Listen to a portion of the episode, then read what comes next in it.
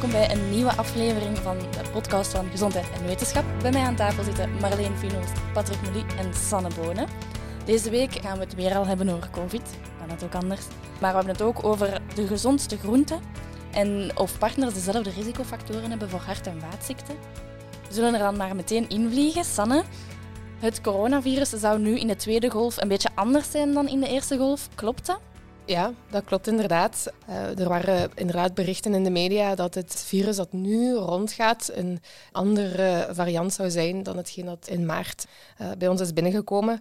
En dat klopt inderdaad, maar dat is ook niet vreemd, uh, want elk levend wezen en dus ook virussen veranderen altijd een klein beetje. En we noemen die kleine veranderingen mutaties. Dus ja, het, het virus is inderdaad een klein beetje anders. En wat is daar het gevolg van? Wilt dat zeggen dat het nu gevaarlijker is, dodelijker, besmettelijker? Wel, die veranderingen die zijn echt enorm klein. Dat gaat over mutaties in het genetisch materiaal van het virus. En dat is ja, enorm groot, ook al is een virus zo zodanig klein. En die mutaties, dat is echt miniem. Dat zijn hele, hele kleine veranderingen. En meestal hebben die veranderingen absoluut geen effect op het gedrag van het virus. Dus we moeten ons daar niet te veel zorgen over maken eigenlijk.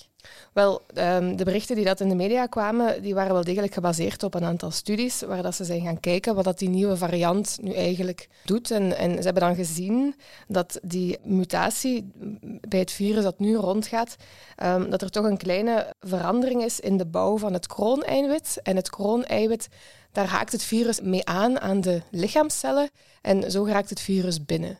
Dus er zijn, uh, onderzoekers zijn dan gaan kijken of dat, uh, die verandering van het krooneiwit maakt dat het virus gemakkelijker de lichaamcellen kan binnendringen en op die manier dus eigenlijk besmettelijker is. Maar dat weten we voorlopig nog niet. Wel, bij mensen weten we dat niet. Wat onderzoekers vonden um, uit dat onderzoek is dat het in zogenaamd laboratoriumonderzoek, in van die uh, petrischaaltjes, dat het daar, als men daar uh, menselijke longcellen uh, gekweekt had en men voegde daar het nieuwe virus aan toe, dat het effectief waarschijnlijk iets gemakkelijker binnendringt. Maar dat gaat dan natuurlijk over onderzoek in, in laboratorium. Um, setting en dat is iets helemaal anders dan bij de mensen. En daarnaast hebben ze ook gekeken uh, bij hamsters en fretten of dat het daar besmettelijker is. En ook dat is dan natuurlijk niet te vergelijken met, uh, met mensen. Nee. Een grote vraag die de meeste mensen hebben bij dit, denk ik dan, als dat virus verandert, kunnen we er dan een vaccin voor vinden? Ja, ja, absoluut, absoluut. Daar moeten we ons helemaal geen zorgen over maken. Elk virus, zoals ik daar straks al zei, uh, verandert een klein beetje. virussen doen dat om beter te kunnen overleven. Dat is heel normaal. Wij mensen doen dat ook, om beter te kunnen overleven. Dus ja, de vraag is dan inderdaad ook, uh, is het virus dodelijker? En eigenlijk als je logisch gaat nadenken en als een virus een beetje slim is, dan gaat het niet dodelijker worden. Omdat ja, een virus wil beter overleven en dus wil dus eigenlijk dat zijn gastheer blijft overleven. En ja, als het dodelijker wordt, ja, dan verliest het zijn capaciteit om ook weer verder uh, verspreid te worden. Dus in C, het is niet uitgesloten dat het dodelijker zou zijn, maar de kans is wel heel klein. Um, daar, daar doet een virus het niet om. Uh, een virus wil gewoon beter overleven. Ja, eigenlijk is dat coronavirus een slim virus. Ebola-virus bijvoorbeeld is een heel dom virus. Mensen gaan heel snel dood en ja, dan kan dat virus gaat dan mee dood natuurlijk. Ja, dus uh, dat coronavirus is eigenlijk zo slim en daarom gaat het over de hele wereld rond natuurlijk. Ja, en we hadden het net over het vaccin. We horen ook overal in de media, elk farmaceutisch bedrijf heeft al aangekondigd dat hun vaccin bijna klaar is en dat dat van hun het meest effectieve is. Ja, uh, Marleen, ja. jij weet daar meer over. Ja, ja, ja. De, de farmabedrijven die bezig zijn met de ontwikkeling van vaccins, dat zijn er een tiental vaccins tegen corona. Specifiek, ja, die zijn naar buiten gekomen met heel gunstige resultaten op het eerste gezicht. Eerst was, was er Pfizer samen met BioNTech en dan was er uh, Moderna, een Amerikaans bedrijf, en dan was er Oxford University samen met AstraZeneca. Dus het is altijd een, vaak een, laboratorium aan een universiteit of een onderzoekscentrum of een biotechnologisch bedrijf in samenwerking met een grote farmaspeler. Want die farmaspelers zijn nodig om uh, natuurlijk die productie op te zetten en die, grote, enorme grote studies te doen. Dus die eerste resultaten met coronavaccins, die zien er goed uit. Of dat nu echt een effectiviteit of een werkzaamheid is van meer dan 90 procent eigenlijk moeilijk te zeggen op dit moment. Er zijn nog heel wat vragen open. Uh, hoe lang blijven mensen dan beschermd wanneer ze gevaccineerd worden? Kunnen ze nog ziek worden of worden ze dan minder ziek? minder kans om in het ziekenhuis te geraken? Is het e-, even efficiënt voor oud als voor jonge mensen, zieke mensen? Dat weten we allemaal niet, kunnen we ook nog niet weten. Dat moet blijken uit lange termijn onderzoek. Wat we wel kunnen zeggen vandaag is van, oh, er ziet er heel goed uit. We zullen waarschijnlijk wel enkele coronavaccins hebben. Punt. Dat is wat we vandaag uh, eind november weten uh, over de coronavaccins. En hoe komt het nu dat die er zo snel zijn gekomen? Ja, veel mensen maken zich daar zorgen ja, veel mensen maken zich daar zorgen over. Kan dat wel veilig zijn? Want dat is al zo snel gekomen. We kennen het virus nog geen jaar en er zijn al drie vaccins en meer die eraan komen. Wel, dat is omdat men daar een prioriteit van heeft gemaakt. Die dossiers die worden ingediend bij overheidsinstanties om te vragen mogen we daarmee een studie, een klinische studie starten met vrijwilligers. Dat is allemaal prioritair behandeld. Alleen al die administratieve molen inkorten is een, betekent een half jaar tot twee jaar versnelling. Dat is ongelooflijk. Anders blijft dat op een hoop liggen. Dus dat is eigenlijk van boven, telkens overal bovenop de stapel gelegd bij alle aanvraagdossiers die er lopen voor klinische studies. Dat is één zaak. En twee, die vaccins worden getest zoals andere geneesmiddelen in vier fasen. 1, 2, 3, 4. 2 en 3 zijn samen, zijn parallel gelopen. Dus bij 2 test men op gezonde vrijwilligers, bij 3 op grote groepen. En die fasen heeft men parallel laten lopen. En Voilà, en daarop, dat heeft het versneld. Maar het onderzoek zelf is zeer rigoureus gelopen, zoals het moet, volgens de regels regels van de kunst. Grote groepen vrijwilligers, zelfs groter dan bij andere vaccins. Het ging over tienduizenden mensen die het vaccin kregen, tienduizenden die een placebo kregen, om te kunnen vergelijken. Dus dat is eigenlijk allemaal heel goed verlopen. Dus we weten vandaag, fase 3 afgerond, een behoorlijke werkzaamheid, meer dan gehoopt in het begin die percentages we zullen moeten afwachten totdat we echt uh, meer weten uh, dat de studies, of de, ja, de, de studies echt gepubliceerd zijn en uh, bekeken zijn door onafhankelijke onderzoekers. Maar goed, het ziet er goed uit. Laten we dat onthouden. En tot nu toe, wat we weten, is het ziet er echt ook wel veilig uit. Natuurlijk kan het zijn dat er, dat die, dat er toch mensen een zeldzame, ernstige ontwikkeling, verwikkeling doen op een vaccinatie ja, als, zelfs als je bij, op tienduizenden mensen test en je hebt bijvoorbeeld een, een zware nevenwerking op 1 op 1 miljoen dosissen, dan kan, je dan nog, kan het nog zijn dat je het niet gezien hebt. Dus dat weten we alleen maar in die fase 4-studies. En dat betekent dat het vaccin is al op de markt en het wordt jarenlang opgevolgd in alle mensen die gevaccineerd zijn. Dan kan het nog zijn. Maar goed, voorlopig ziet het er toch al goed uit. Dus ik vind het wel, het geeft wel vertrouwen alleszins. Ja, plus, we moeten toch niet vergeten, het ontwikkelen van die vaccins is zeer complex, maar die studies zelf zijn niet zo ingewikkeld uiteindelijk. De helft van de groep krijgt een vaccinatie, de andere helft een controle en dan ga je die gewoon opvolgen. Ja. En tellen. Ja. Daar draait het om. Ja, en men heeft een paar keer een studie stilgelegd omwille van een nevenwerking, maar dat bleek dan in, in uh, gewoon in de placebo-groep te zijn. Dus van, dat iemand een, uh, een aandoening, waarvan men dacht, oei, dan is men gaan kijken, want dat gebeurt allemaal geblindeerd. Dus niemand weet wie krijgt het vaccin en wie krijgt het nepvaccin. Dus dat is, er zijn maar enkele wetenschappers die dat weten. Dan is men gaan kijken en dan bleek, die nevenwerking bleek voor te komen of die aandoening, het was geen nevenwerking, met iemand uit de controlegroep die een placebo, een nepvaccin had gekregen, dus dat had niks met die vaccinatie te maken. Maar zo zie je maar, dat wordt dan ook stopgezet, goed nagekeken en dan bleek van oké, het is vals alarm, dan gaat men verder. Maar zo'n dingen komen dan in de media. Oh, vaccinatiestudie stopgezet omwille van nevenwerking. Ja, maar in de placebo-groep. Dus het geeft natuurlijk... Het is ingewikkeld... Uh, om, om zo te kunnen volgen. En mensen stellen zich natuurlijk vragen. Dat is de reden waarom dat we voortdurend duiden natuurlijk op onze website hoe het onderzoek staat, hè, wat we tot nu toe weten. En hebben we al een idee wanneer dat ze effectief op de markt gaan komen? Ha, dat is uh, de gouden, een gouden vraag.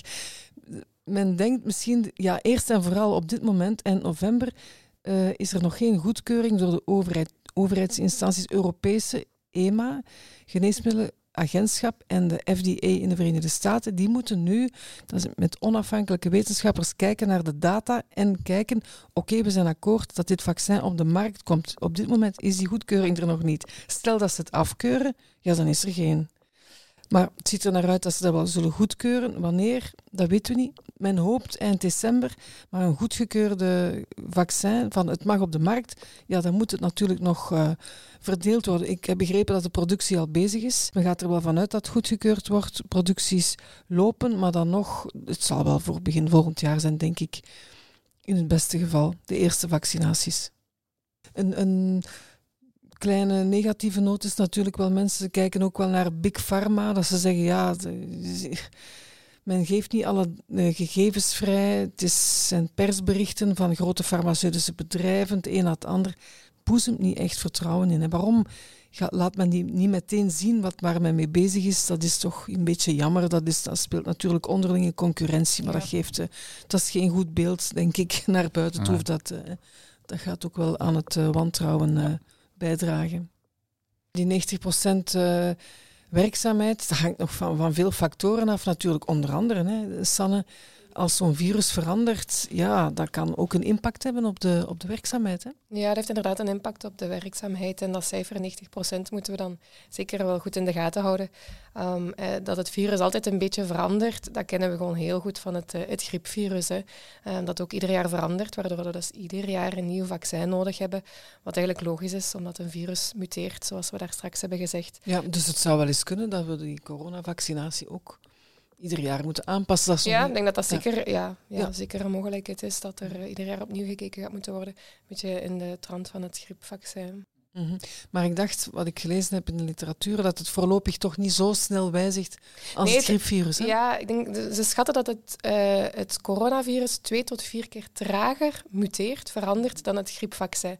En als we zien, inderdaad, ieder jaar is er een nieuw griepvaccin nodig, wat is ook niet voor 100% beschermd als het uh, coronavirus minder snel verandert, dan is dat wel goed nieuws voor het vaccin. Ja, dan zou het kunnen, moest het nodig zijn om het vaccin te veranderen, dat we daar om de drie, vier, vijf jaar maar ja. moeten doen. Ja. Maar ja, dat weten dat we zal vandaag. de toekomst moeten uitwijzen. Hè. Okay.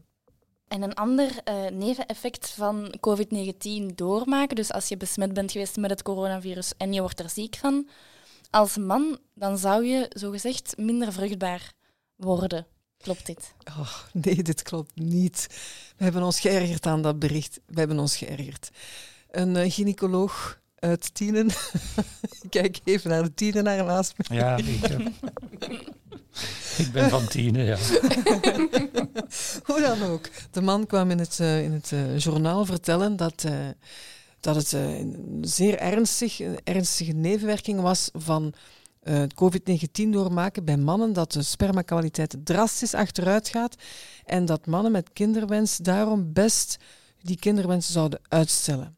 We ja, vielen bijna van onze stoel, moet ik zeggen.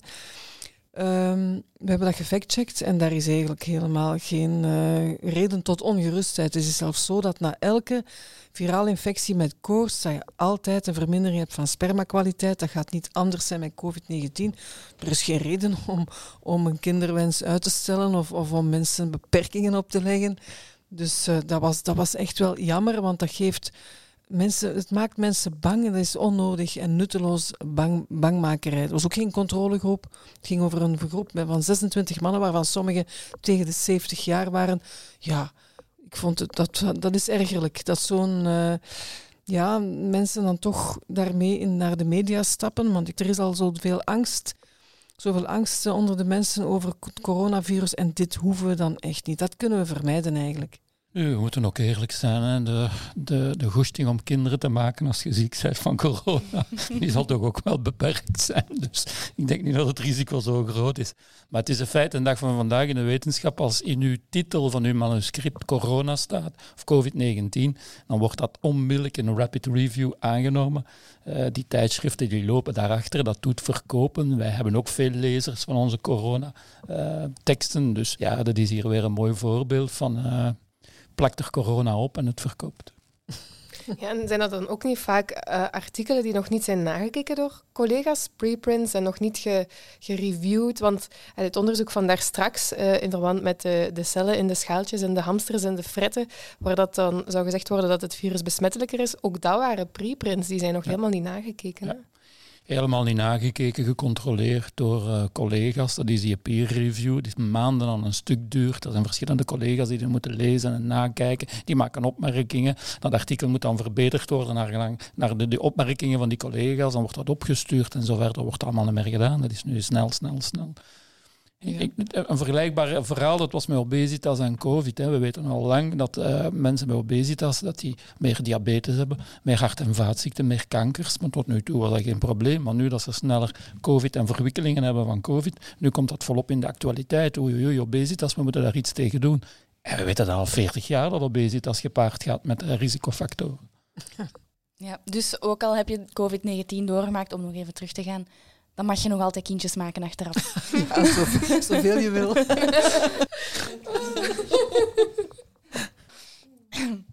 Uh, over partners en obesitas gesproken.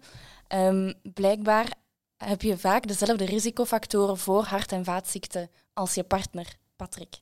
Ja, ik vond dat een fantastische studie. Zo een beetje een toppunt van liefde. Hè. Die Amerikaanse onderzoekers waren gaan kijken met meer dan 5000 koppels. En ze waren gaan kijken naar de verdeling van de risicofactoren op hart- en vaatziekten. We kennen ze. Uh, gebrek aan beweging, uh, onvoldoende uh, beweging, roken, obesitas. wat is er nog allemaal? hoge cholesterol en zo verder en zo verder. Dat is allemaal vergeleken tussen de koppels.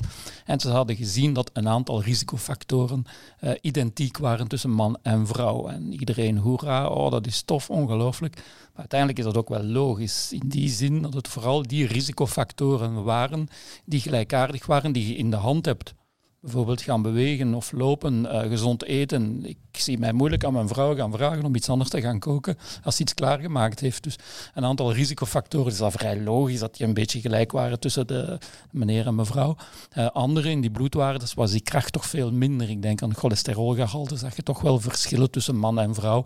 Daar speelt ook meer een erfelijke factor een, een, een grote rol. Dus het is een beetje een verhaal. Kijk, ja, het is een mooi verhaal, maar het is een beetje logisch ook. En een laatste punt is natuurlijk dat je niet weet van, uh, hebben die partners zich op elkaar afgestemd met de tijd? Of uh, zoekt iemand naar een partner die eigenlijk uh, dezelfde eet- en leefgewoonten heeft als hij zelf? Dus ik zie mij moeilijk gaan, gaan trouwen of samenleven met iemand die enorm veel rookt. Ik ben een niet-roker. Dus dat weten we eigenlijk niet, maar het was wel een mooi verhaal. Misschien een interessante opvolgstudie. Wel ja, op lange termijn zou het nu interessant zijn of die mensen ook langer leven bijvoorbeeld. Hè? Want uiteindelijk hebben ze gekeken naar cholesterol en de voeding hebben ze dan met drie vragen uh, hebben drie vragen gesteld om te weten of iemand gezond of ongezond had. Ja, kijk, voeding is zo complex, zoals lichaamsbeweging is zeer complex. Dus uiteindelijk, ja, dat is niet gemakkelijk dergelijke studie. Dat lijkt gemakkelijk op de eerste zicht. Je geeft punten en dan vergelijken. Maar in de realiteit is dat toch wel extreem moeilijk. Mm. En er is inderdaad een groot verschil tussen het hebben van risicofactoren, zoals een hoge cholesterol, en effectief uh, overlijden aan hart- en vaatziekten. Hè. Dat is een combinatie van risicofactoren. Ja. En... Heeft men ook niet gekeken natuurlijk. Ja. Ik bedoel, je kunt enorm veel sporten en gezond eten. En licht verhoogde cholesterol, dat is dan niet hetzelfde als iemand die de hele dag in de zetel zit, obese is, en zo verder en zo verder. We willen ook allemaal gezonder leven en de beste manier om dat te doen is om vanaf nu alleen nog broccoli te eten. Ah, broccoli.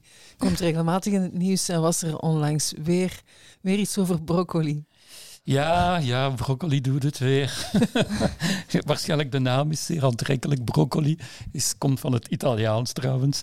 Um, wat is het verhaal eigenlijk hier? Is men gaan kijken naar uh, mensen die veel broccoli eten in observatiestudies, dus waarnemend onderzoek. Men volgt de mensen gedurende jaren, men gaat kijken naar de problemen die ze hebben. En dan gaat men kijken terug in het begin wat ze allemaal gegeten hadden.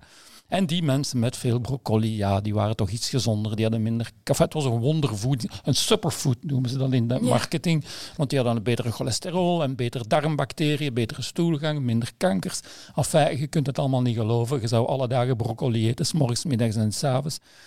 Nu, regelmatig komen van dergelijke verhalen naar boven. Het is een feit dat mensen die enorm veel broccoli eten, dat zijn mensen die veel groenten eten, waarschijnlijk ook veel fruit eten, waarschijnlijk ook mensen die niet roken, die bewegen, die geen overgewicht hebben. Dus uiteindelijk is dat meer een, een, een merkteken, een teken van het gedrag van het individu. Ik eet veel broccoli, dan eigenlijk een wondervoedingsmiddel. Maar het leuke is natuurlijk, als je broccoli dan in het labo zet, ja, dan vind je vitamine C en vitamine E, vitamine A, zink en koper en weet ik veel. En dat kun je altijd ergens gaan linken. Het lichaam is zo tof, zit zo tof in elkaar, dat je toch altijd iets positiefs gaat vinden met die kleine stofjes. En daar kun je dan een mooi artikel over schrijven en gepubliceerd worden. Maar ik neem aan dat die leuke stofjes ook in andere groenten zitten. Maar die, ten eerste, die zitten ook in andere uh, groenten. Ten tweede, uh, het is eigenlijk vooral een gezonde eet- en leefgewoonte dat u kan beschermen tegen de ondergang. En niet zozeer broccoli en een geluk, want ik zie mij moeilijk uh, s morgens, middags en s'avonds broccoli gaan eten. Dus, dus broccoli smoothies, broccoli soep. Ja, ja, ik denk dat het meer een gezond gedrag is en daar hoort broccoli zeker bij. Maar ook bloemkool en spinazie en andere, alle andere groenten die een andere samenstelling hebben. Maar die eigenlijk complementair zijn. De ene heeft meer dit, de andere heeft meer dat. En een gevarieerde voeding zorgt voor succes. Ja, van gevarieerde voeding gesproken. Heb ik ook niet zoiets uh, gehoord of gelezen over uh, veganisten? Dat die toch ook wel nadelen hebben met al hun groenten en al hun fruit? Ja, die zouden meer in het schip zitten. Ja, dus een studie meer fracturen, meer ja, opbreuken. Ja. Heup, ja, heupfracturen, dus veganisten. En dan denkt iedereen van, haha, calcium, je ziet wel, ze hebben te weinig calcium.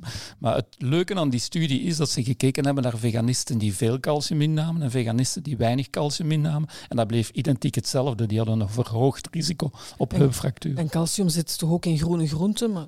Ja, en calcium alleen doet het ook niet. lichaamsbeweging doet het, vitamine D doet het, calcium. Het is een geheel van factoren tegen beenderontkalking dat een rol speelt. Maar het nog toffer, maar dat is dan een supplement van die studie. En die supplementen, dat is dan 10, 15 bladzijden die je dan nog moet gaan lezen. En niet iedereen doet dat, maar wij hebben dat natuurlijk wel ah, gedaan. Je hebt dat gedaan, waarvoor dank. Ik, ja, graag gedaan. Het was heel leuk. Um, die, die, supplementen zie je duidelijk dat uh, veganisten die zeer, zeer mager zijn, die hadden iets van een bijna meer dan 200% hoger risico op heupfractuur, heupfractuur. En veganisten die een normaal gewicht hebben, hadden zelfs een bescherming. Minder heupfracturen. Dus waarschijnlijk speelt toch uw vetmassa een rol. En je kunt dat eigenlijk wel een beetje mechanisch gaan uitleggen. Hè. Als je valt en er is een beetje vet, ja, dan is dat een soort stootkussen dat u eigenlijk een beetje kan beschermen tegen de schadelijke gevolgen van, van de val. Hadden ze alleen maar gekeken naar heupfracturen, geen, geen polsfracturen of andere? Ja, maar het zijn natuurlijk alleen de heupfracturen die in de pers kwamen, want die waren natuurlijk verhoogd bij veganisten. Al die andere fracturen waren niet verhoogd. En dan komt dat natuurlijk ook niet in de pers, want dat is ook niet interessant, iets dat niet verhoogd is. Die veganisten trouwens in die studie, die deden ook meer sport. En iedereen die loopt of fietst, valt al wel eens op zijn gezicht. dus uh, kan dat ook een uitleg zijn. Heel fijn dat jullie er weer bij waren vandaag. Marleen Finoost, Patrick Mully en Sanne Bonen. En tot de volgende keer. Dag. Dag. Tot de volgende keer.